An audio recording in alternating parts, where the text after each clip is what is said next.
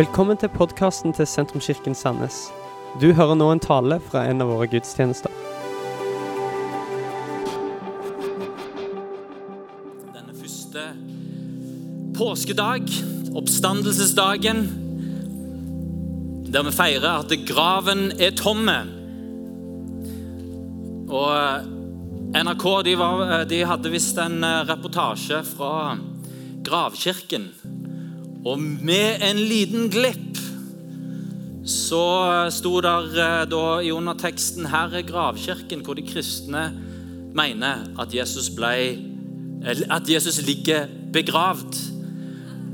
Og så har han bare med et liten sånn der, en liten setning bare vist det som så mange sekulære bare stråler ut, at en, en tar bare lett på hele greiene. Og har ikke engang fått med seg at de kristne da faktisk mener at graven er tom. Jesus, han lever. Han er stått opp igjen. Han seirer over døden en gang for alle. Og vi har i dette livet som troende Den som er troende, har ikke satt sin lit til Jesus sin undervisning, til Jesus sin filosofi, til Jesus som menneske, til Jesus som forbilde, til Jesus den fantastiske profeten og filosofen. Han er oppstanden. Grava er tom. Og det som jeg har lyst til å si disse korte minuttene som jeg får denne første påskedag, det er at vi kan tro både med hodet og vi kan tro med hjertet. Og vi kan tro både med hodet og hjertet, ikke bare på det Jesus har sagt og gjort, men på hans oppstandelse. Og Vi skal lese fra 1. Korinterbrev 15, 1-12, som er selve oppstandelseskapittelet i Paulus sine brever. Der skriver han dette til korintermenigheten. Jeg kunngjør for dere søsken det evangelium jeg forkynte for dere, det dere òg tok imot, det dere òg står på. Gjennom det blir dere òg frelst når dere holder fast på ordet, sånn jeg forkynte det. Ellers blir det forgjeves at dere kom til tro, for først og fremst overga jeg til dere det jeg sjøl har tatt imot, at Kristus døde for våre synder etter Skriftene.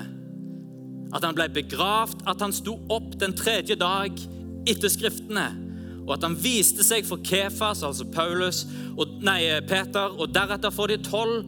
Deretter så viste han seg for mer enn 500 søsken på en gang. Av de lever de fleste ennå, men noen er sovna inn. Deretter så viste han seg for Jakob, eh, Jesus sin bror.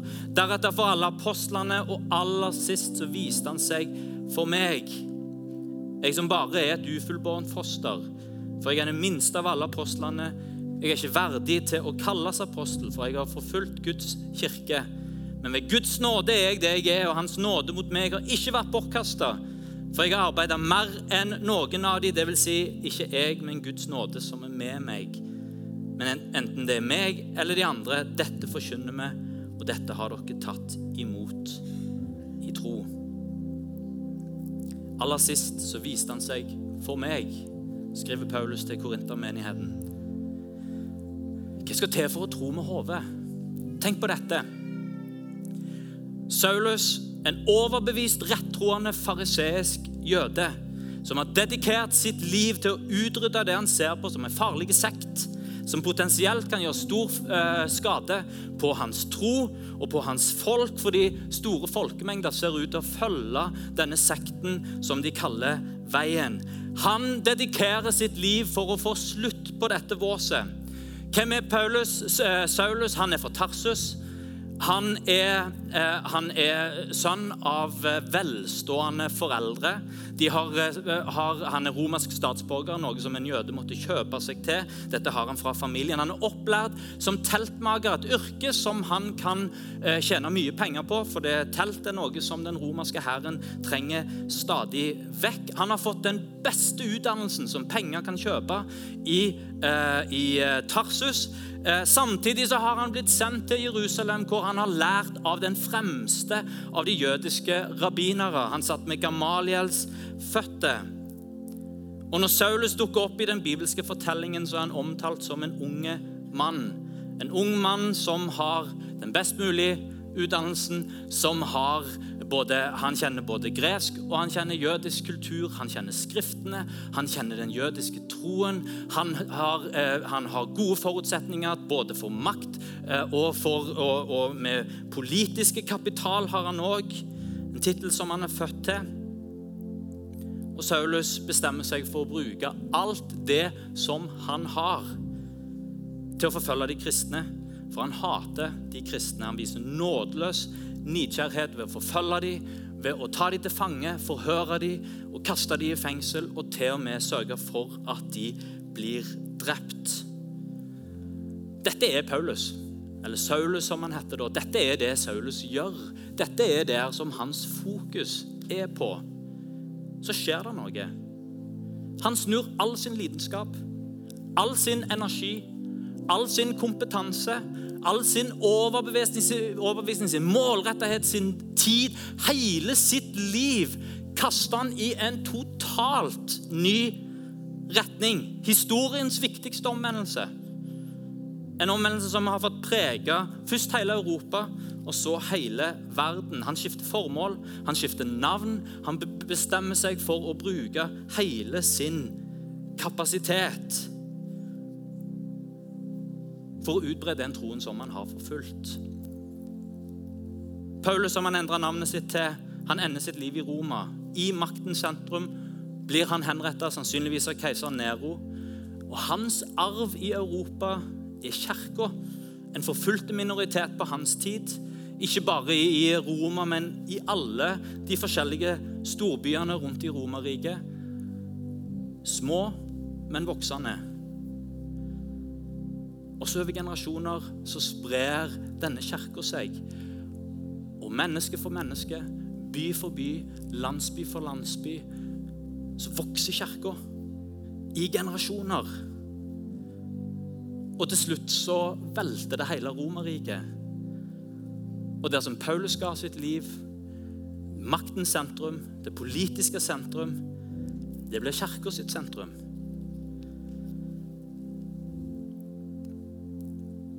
Kristen tro avfeies av mange som eh, med bare med et skuldertrekk. Og så sier han det var enkelt for tidligere tiders mennesker å ta imot overtro. Tidligere tiders mennesker de er ikke sånn som vi er i dag. De var ikke rasjonelle sånn som vi er i dag. De har ikke hatt opplysningstida. Nå vet vi bedre. Nå vet vi at døde ikke oppstår. Kristen tro er en gammel myte som vi nå kan avfeie uten å bruke for mye intellektuell kraft på å bekjempe den. Og Når en i dag skal forklare kirka sin utbredelse, så peker en på Paulus. Han var perfekt til å gjøre dette. Han var intellektuell, han var ekspert i jødisk tro, han hadde den beste utdannelsen. Han var Romers borger, han kjente alle kulturene. Men så glemmer en å spørre dette her innlysende spørsmålet. Hva skjedde med Paulus? Og Så pekes det på Romerriket. Det hadde gresk som et språk som alle kunne snakke. og Det var enkelt med kommunikasjon, det var romerske veier. Det var en forventning til noe nytt i Romerriket. Det var til og med masse hedninger som hadde, som hadde De, de beundra den jødiske troen, men de var ikke villige til å omskjære seg. Så de sto klar til å ta imot denne nye troen på Gud. Men så glemmer en og Paulus var da selvsagt rett mann på rett plass, men så glemmer han at eh, Paulus brukte veiene. Han brukte kommunikasjonen. Han brukte sin forståelse og sin intellektuelle kapasitet og sin makt på å prøve å utrydde denne troen. Hva skjedde for noe? Vitenskap det er kunnskap gjennom empiri. Det er når du har en teori om noe, og så, og så tester du det en gang. Så tester du det en gang til, og så en gang til, og så en gang til, så ser du hver gang du tester det, oi, så stemmer det. Og så når han har gjort det mange ganger nok, så kan han si at denne her teorien er ikke bare teori. Empiri viser at dette er vitenskap, dette er sannhet. Det går ikke an å bevise oppstandelsen empirisk. Det går ikke an å bevise en helbredelse empirisk. Det skjedde en gang. Du kan ikke gjenta det. Bare se, nå skal det skje en gang til. Men det du kan gjøre, du kan se et før og et etter. Vi kan ikke gå og repetere oppstandelsen, men det går an å finne ut at noe skjedde. Noe skjedde med Paulus. Det har forandra vår verdensdel, Det har forandra verden. Paulus sjøl sier han møtte den oppstandende. Noe skjedde i påsken. I år 27, i år 28, år 29, år 30, år 31. Ingen vet helt når. Men det går som ei sjokkbølge gjennom hele historien, gjennom vår historie her i Vesten, men òg gjennom verdens historie. Noe skjedde som smuldra opp Romerriket fra innsida, som spredde seg ifra generasjon til generasjon, fra folk til folk, fra kultur til kultur, som har forma den vestlige sivilisasjonen, og som har forma verden sånn som vi kjenner den i dag. Og hva var dette noe som skjedde? Jesus' sin død oppstandelse var ikke en tilfeldig utvikling. Jesus var så tydelig på det i sin forkynnelse til sine disipler. Så seint som på veien opp til Jerusalem før påsken så minner han sine disipler igjen. For tredje gang står det, eh, står det i overskriften for dette bibelverset.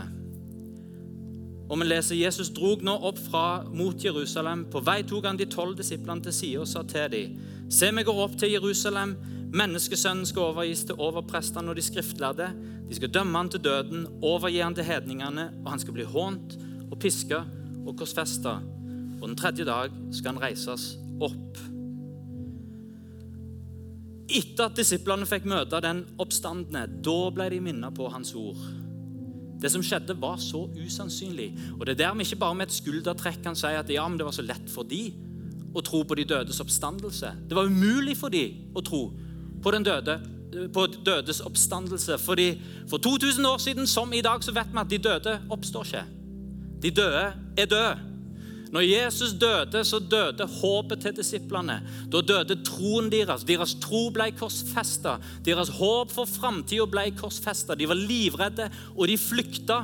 Det var rett og slett sånn at til og med når de hørte ryktene om at Jesus var oppstanden, så ville de ikke tro. For det var så usannsynlig, for sånne ting skjer ikke. De døde oppstår ikke, det vet vi nå, og det visste de da.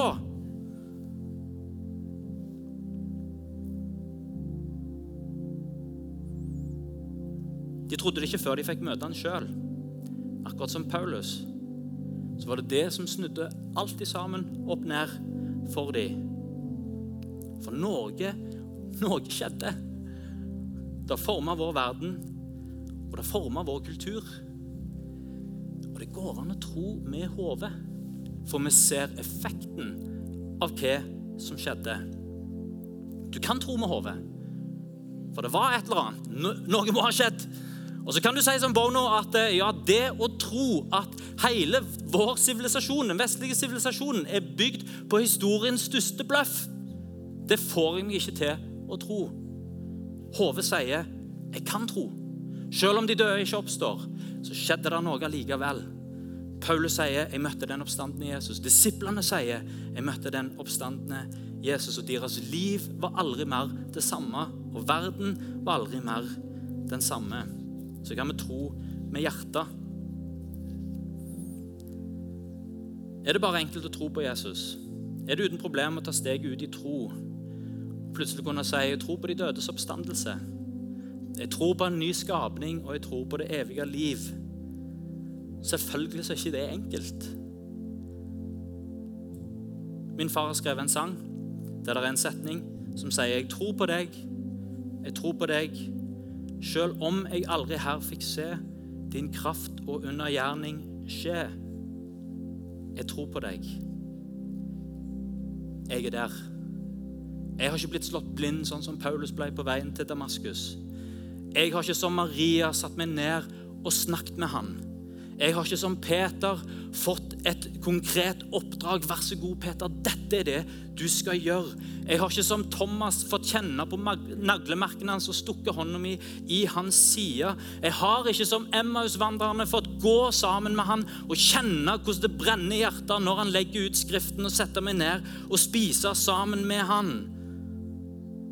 Men jeg tror. Jeg tror med hodet fordi noe skjedde. Det var noe som skjedde den påsken.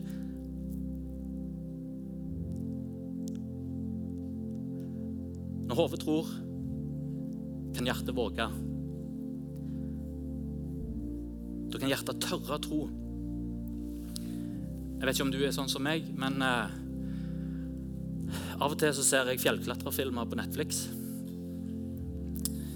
Og søker opp umulige eh, fjellklatringssituasjoner på YouTube. Og det er helt utrolig. Noen av de beste frisoloklatrerne i verden de kan klatre opp fjellvegger hvor altså jeg, jeg tøyser ikke, Der er sprekker som er millimeter tynne. Altså, de får så vidt plass til neglene sine. Og, og, og, og, hvordan de klarer å komme seg opp disse veggene, jeg forstår det ikke. Men det de gjør før de går opp Det er ikke bare en sånn hodeløs nå klatrer vi opp og ser hvordan det går. Eh, men det er først å finne ut av hele veggen. Og, og så finner en ut hver en sprekk og lager kart. og eh, Skal vi gå der, skal vi gå der, skal vi gå der? Første med hodet tror de. Og ser at det er mulig. Selv om det ser helt umulig ut for det trene øyet. Eller for det øyet som ikke er trent. Med hodet tror jeg. Men det er ikke, det er ikke hodet som får dem opp veggen. Vet du hva det? Det er kjærlighet. Det er kjærlighet til fjellet. Det er kjærlighet til klatringen. Det er kjærlighet til den veggen. Det er den som får dem opp. Det går an å tro med hjertet. Kjærlighet driver deg framover. Når Jesus møter Peter etter han er oppstått fra de døde, så spør han ikke Peter, tror du på meg. Peter, tror du på meg nå? Peter, tror du på meg mer enn disse? Det er ikke spørsmålet som går til Peter. Spørsmålet til Peter er Hvor er kjærligheten din? Elsker du meg, Peter? Det er ikke en veldig mandig samtale. Peter, elsker du meg? Men det er i Peters kjærlighet kraften ligger. Hør, hjertet tror når hjertet er grepet. Jeg kjenner det når jeg leser evangeliene. Når jeg ser sannheten i Jesu ord. Jeg kjenner det, og hjertet mitt gripes når jeg ser påskedramaet gjenspeilt. Når jeg ser den lidende kongen, så gripes hjertet. Hjertet mitt den gripes av Jesus sin ydmykhet den allmektige kongen som bøyer seg ned, og som vasker disiplene sine føtter. Han som bøyer seg ned for å tjene andre. Hjertet mitt gripes når makt ikke brukes til å hevne seg, men når makten brukes til å hevne seg med nåde, tilgivelse og gjenopprettelse. Hjertet mitt gripes når vi er sammen i lovsang sammen med de som tror. Hjertet mitt gripes når jeg hører ordet forkynt. Hjertet mitt gripes når jeg ser troen i et annet menneske. Så er det noe mer enn bare hodets tro. Det er en hjertets erfaring. C.S. Lewis sier Jesu oppstandelse var den første av sitt slag i universets historie. Han er førstefrukten, pioneren av liv. Han har brutt opp en dør som har vært stengt siden døden ramma det første mennesket. Jesus har møtt, kjempa mot og beseira dødens konge. Alt er forandra fordi han har gjort det. Hjertet sier, 'Død, hvor er din brodd?' Hjertet sier at døden, den siste fiende, er beseira. Hjertet sier vi skal møtes igjen. Hjertet sier at sannheten har seira, livet har seira, nåden har seira, og kjærligheten har seira. Jeg tror det ligger dypt i oss mennesker, innerst inne, at når vi finner noen som er verdt det, til å tjene den personen, det mennesket Når noen er verdt det, da vil jeg tjene, da vil jeg følge. Noen som er verdig vår hengivenhet, vår etterfølgelse og troskap. Dette er de store heltene i store filmer. Mitt sverd tilhører deg. Da er det ikke bare hodet. Hodet analyserer. Men da er det hjertet som sier 'denne personen er verdt min hengivenhet'. Hjertet mitt er grepet av Jesus. Han er verd min hengivenhet. Han er verd min tjeneste, og han er verd mitt liv.